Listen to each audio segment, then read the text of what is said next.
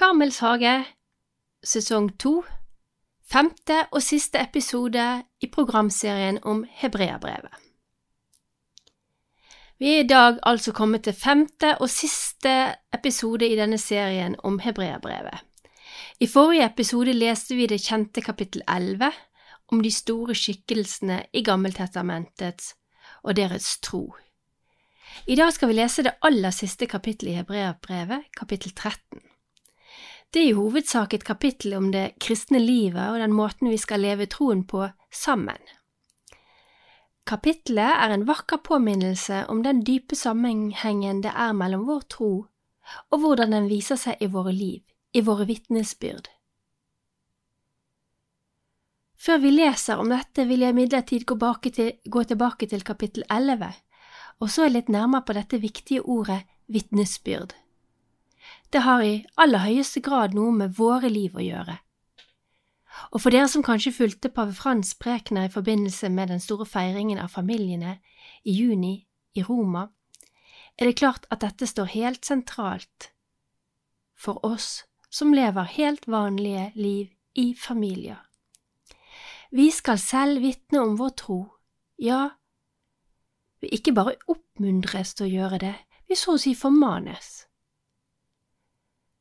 Og vitnemålet er ikke nødvendigvis med ord, snarere i og med våre liv, hvordan vi ordner det og lever våre daglige liv under mer normale omstendigheter, og ikke minst hvordan vi vitner om Guds storhet når vi utholder prøvelser og lidelse i tro, tillit og tålmodighet.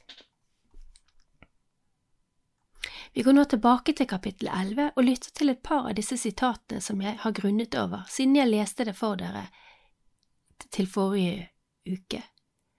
Det sentrale ordet i disse sitatene er altså ordet vitnesbyrd, og den intime sammenhengen den, det har med vår tro, som defineres allerede i første setning i kapittel 11.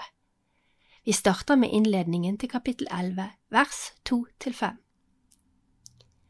Troen er en pant på det vi håper, et bevis for det vi ikke ser. For sin tro fikk de gamle godt vitnesbyrd. I tro forstår vi at verden er skapt ved Guds ord, og at det vi ser, har sitt opphav i det usynlige. I tro bar Abel frem for Gud et bedre offer enn Kain. Fordi Abel trodde, fikk han vitnesbyrd om at han var rettferdig. Det vitnet Gud om da han ofret. Og med sin tro taler han ennå etter sin død. I tro ble Henok rykket bort uten å dø. Ingen så ham mer, for Gud hadde tatt ham til seg. Før han ble rykket bort, fikk han vitnesbyrd om at han var til glede for Gud. Uten tro er det umulig å være til glede for Gud. For den som trer frem for Gud, må tro at han er til, og at han lønner dem som søker ham. Videre står det i 1139. Alle disse fikk godt vitnesbyrd for sin tro, men de oppnådde ikke å få det som var lovet. Gud så for seg noe som er bedre for oss, at de ikke skulle nå frem til fullendelsen uten oss. Her snakkes det altså ikke om at de vitnet for sin tro, men at de fikk godt vitnesbyrd fra Gud. Når vi skal se litt nærmere på disse ordene og vitne, ett vitne eller vitnesbyrd, vil jeg sitere en oversettelse fra den svenske forklaringsbibelsens oppslagsdel. Ordet var nemlig et juridisk begrep som ble brukt i Gamle testamentet i forbindelse med håndhevelsen av Moseloven. Ingen kunne dømmes uten ved to eller flere vitners utsagn, dette var et viktig prinsipp. Men ordet fikk over tid også en annen betydning, en betydning som beskriver noe i forholdet mellom Gud og mennesker. Og her skal jeg altså sitere det som står i, noe som står i Veritas forklaringsbibel på side 882, og jeg siterer. Dette juridiske uttrykket anvendes også om forholdet mellom Gud og mennesker, spesielt da i billedspråk som kretser rundt tanken på en pakt. Vi har ikke tid i dag til å gå inn på alle disse stedene i Gamle testamentet som det henvises til, men i forbindelse med denne pakten foregår det altså en liten dreining av begrepet vitner.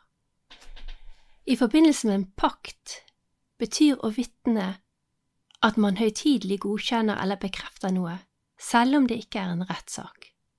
Og ser vi for eksempel på pakten mellom Gud og Moses på Sinai, defineres vitnene på følgende måte. Det er avtalens parter, altså Gud og menneske, alle tilstedeværende jordiske eller himmelske vesener, som er vitnene her.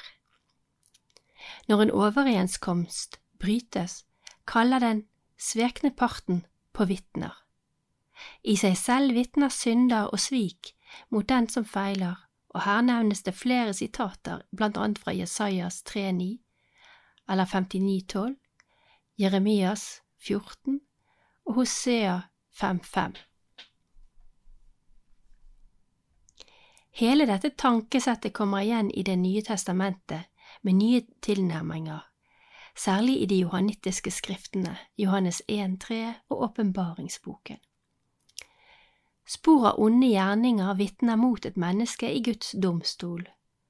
Jakob 5,3 Når Jesu disipler rister støv av sine føtter, markerer gesten en avstandtagen, et vitnesbyrd mot dem som ikke har valgt å lytte, for eksempel Markus 6,11.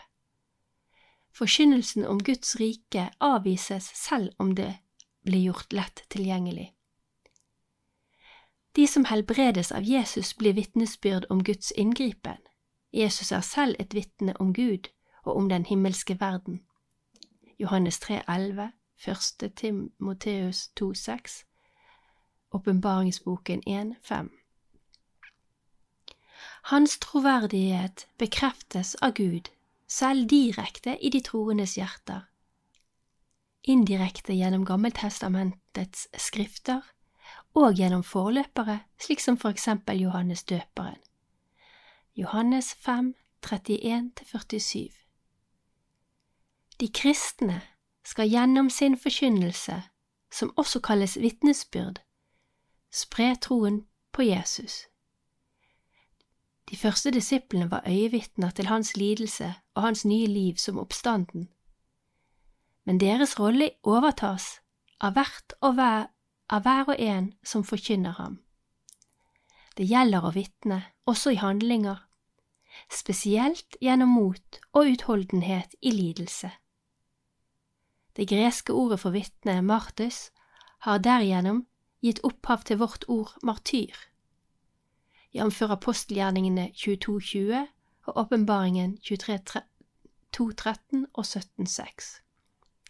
I Hebreabrevet 12.1 brukes ordet om Det gamle testamentets troshelter, som fra himmelen bevitner sine kristnes etterfølgeres kamp.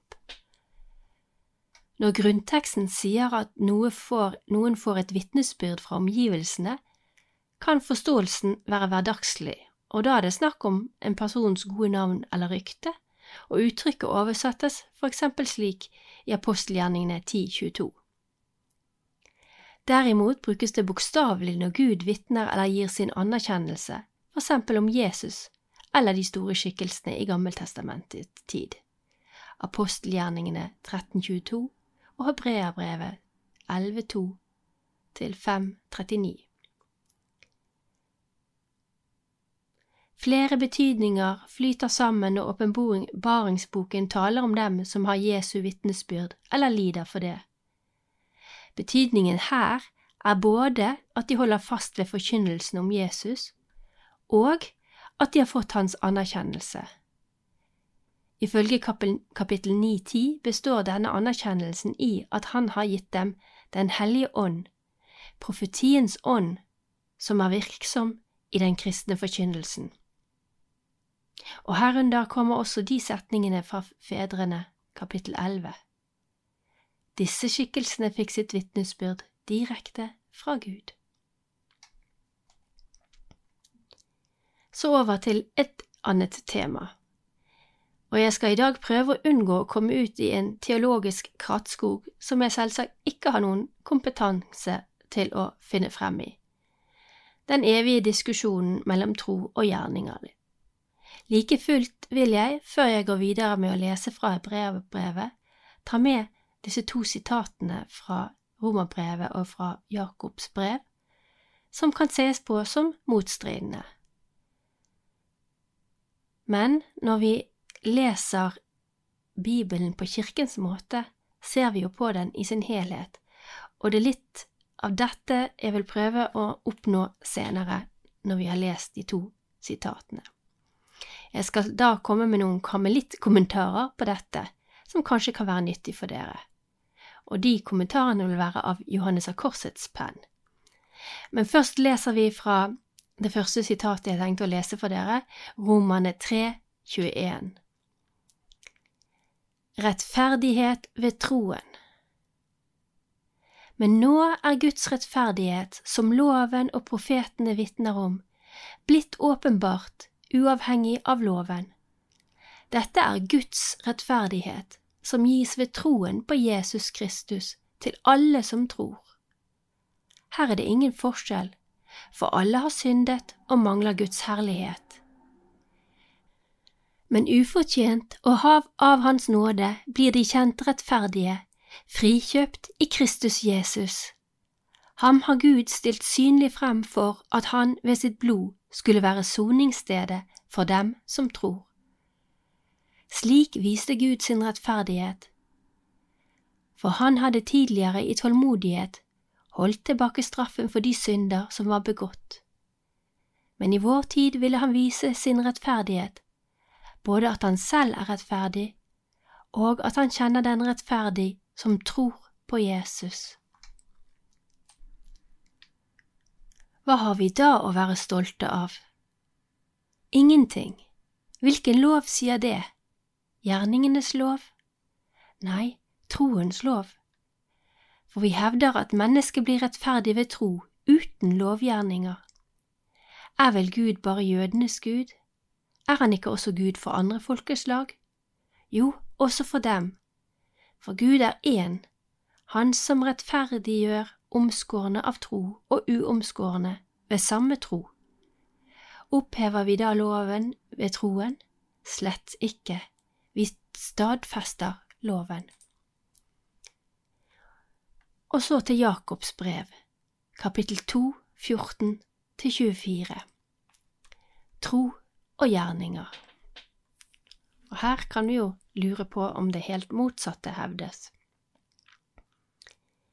Hva hjelper det, søsken, om noen sier at han har tro når han ikke har gjerninger? Kan vel troen frelse ham? Sett at en bror eller en søster ikke har klær og mangler mat for dagen, og en av dere sier til dem, Gå i fred, hold dere varme og spis dere mette. Hva hjelper det, dersom dere ikke gir dem det kroppen trenger? Slik er det også med troen. I seg selv, uten gjerninger, er den død. Kanskje vil noen si, du har tro, jeg har gjerninger. Vis meg din tro uten gjerninger, så vil jeg ut fra gjerningene vise deg min tro. Du tror at Gud er én, det gjør du rett i. Også de onde åndene tror det, og skjelver. Du tankeløse menneske, vil du ikke innse at tro uten gjerninger er til ingen nytte? Var det ikke på grunn av gjerninger at vår far Abraham ble kjent rettferdig da han bar Isak, sønnen sin, som offer på alteret?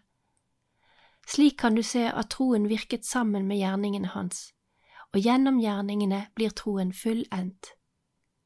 Dermed ble dette skriftordet oppfylt, Abraham trodde Gud, og derfor regnet Gud ham som rettferdig, og han ble kalt Guds venn.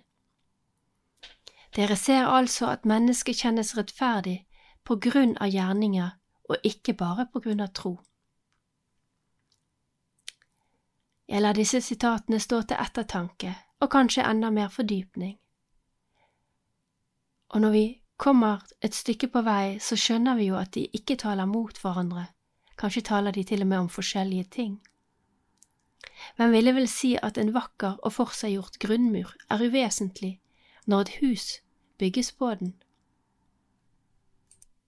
Vi får her anledning til å tenke på mange forskjellige saker, nemlig når nytt og gammelt sammenlignes, en lov på steintavler og loven skrevet i hjertene. Indre og ytre, ytre omskjæring og hjertets omskjæring. Men loven på steintavlene ble jo aldri opphevet. Men det som ble opphevet, var den evige straff, frykt og mismot. Det nye som kom, var jo at himmelen ble åpnet for oss, som opprinnelig var dømt av synden. Og loven ble ikke opphevet, men internalisert, den ble skrevet i våre hjerter. Kjærlighetens lys bryter frem og jager fryktens avmakt på flukt. For hver og en av oss er fordypelsen i denne prosessen en lang prosess, som vi med våre fedre, altså de gammeltestamentlige fedrene, ikke vil se ferdigstilt. Like fullt gjør vi som dem, det eneste riktige. Vi jager, som Paulus sier, mot målet. Og det er ikke en mekanisk lovvisk sak, men en kjærlighetens sak.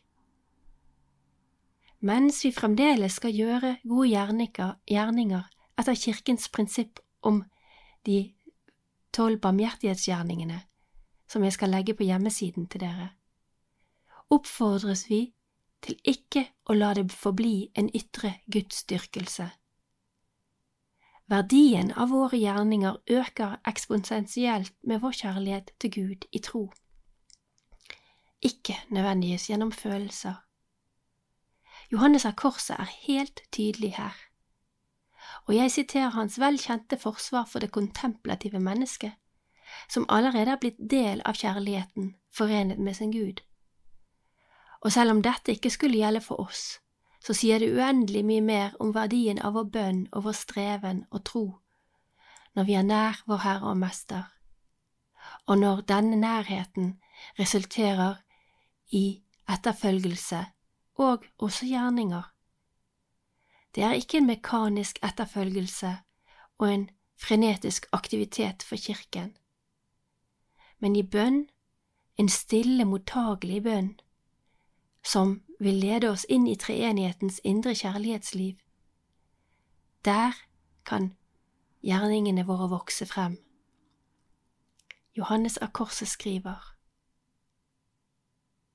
Derfor er et lite fnugg av denne rene kjærligheten mer dyrebar for Gud og sjelen, og til større nytte for kirken, enn alle slike verk til sammen, selv om det kan se ut som om sjelen ikke utretter noe som helst og dette er fra side 225 i boken, og det er en introduksjon til strofe 29. Og boken er Åndelig sang, utgitt på Efrem forlag. Her snakker han, Johannes av Korset, til og om kontemplative nonner.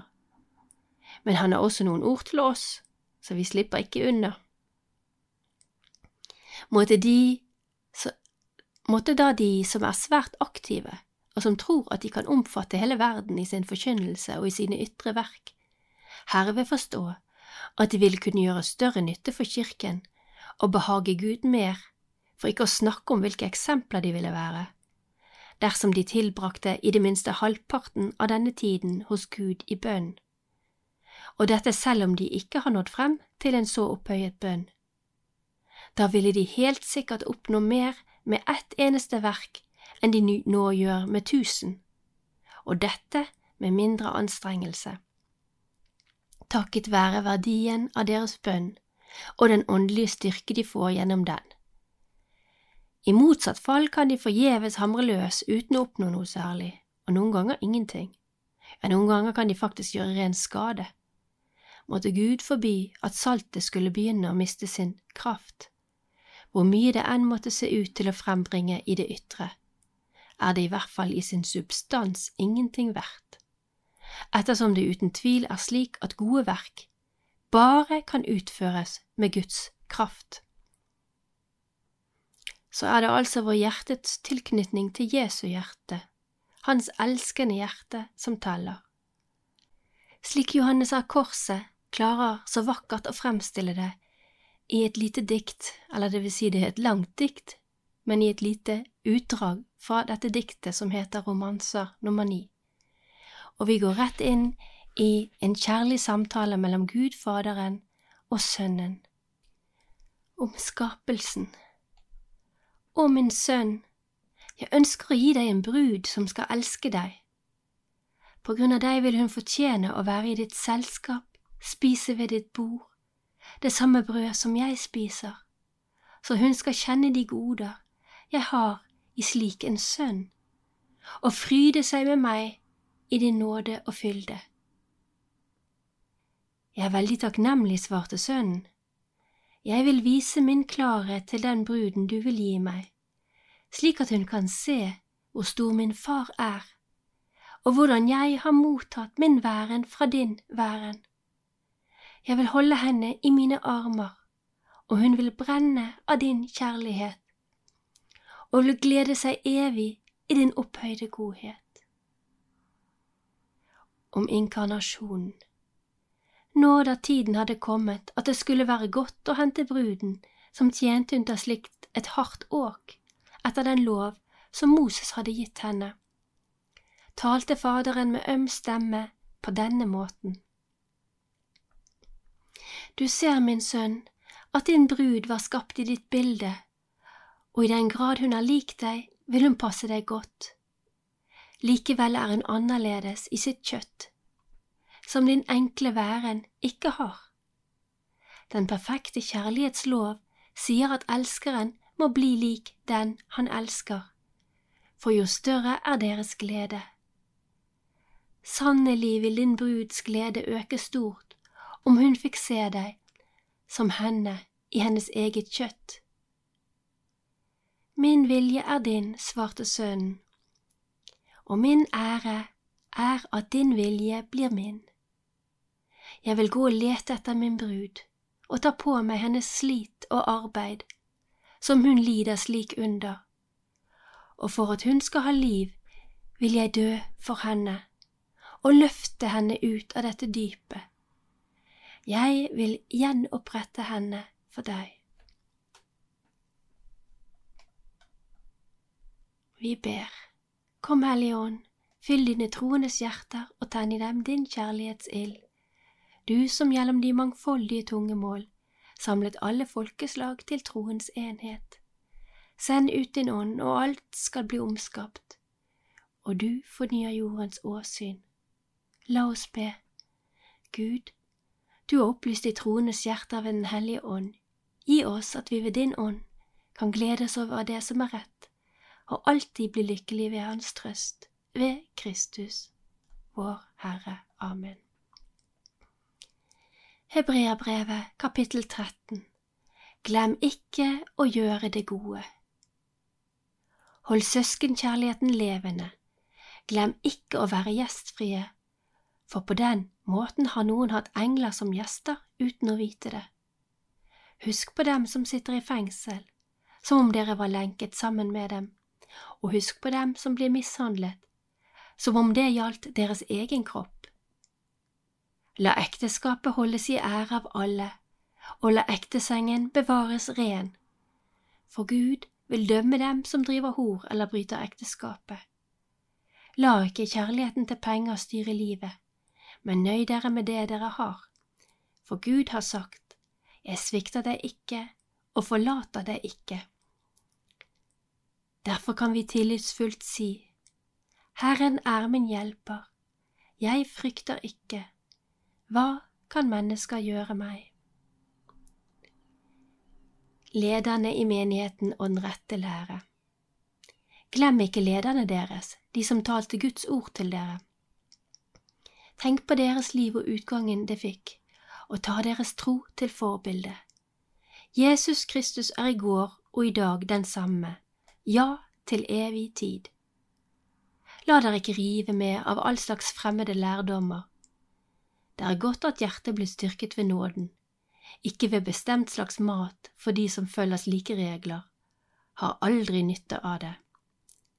Vi har ett alter, og de som gjør tjeneste i telthelligdommen, har ikke rett til å spise fra det. Øverste presten bærer blodet av offerdyrene inn i helligdommen til soning for synd, men kroppene blir brent opp utenfor leiren. Derfor led også Jesus utenfor porten, for å hellige folket ved sitt eget blod. Så la oss gå ut til ham, utenfor leiren, og bære hans vanære. For her på jorden har vi ingen by som består, vi lengter etter den som skal komme. La oss da ved ham stadig bære frem for Gud vår lovprisning som offer, det vil si frukten av leppene som bekjenner hans navn. Men glem ikke å gjøre godt og dele med andre, for slike offer er til glede for Gud. Vær lydige mot lederne deres og rett dere etter dem, for de våker over sjelene deres og skal en gang avlegge regnskap. Sørg for at de kan gjøre det med glede uten å sukke, ellers blir det ikke til gagn for dere. Ønsker og hilsener Be for oss. Vi vet at vi har god samvittighet, for vi vil gjerne gå riktig frem på alle måter. Jeg ber dere om forbønn, aller mest for at dere desto snarere kan få meg tilbake. Fredens Gud, Han som i kraft av en evig pakts blod førte den store hyrden for sauene, vår Herre Jesu Kristus opp fra de døde. Må Han utruste dere med alt godt, så dere gjør Hans vilje.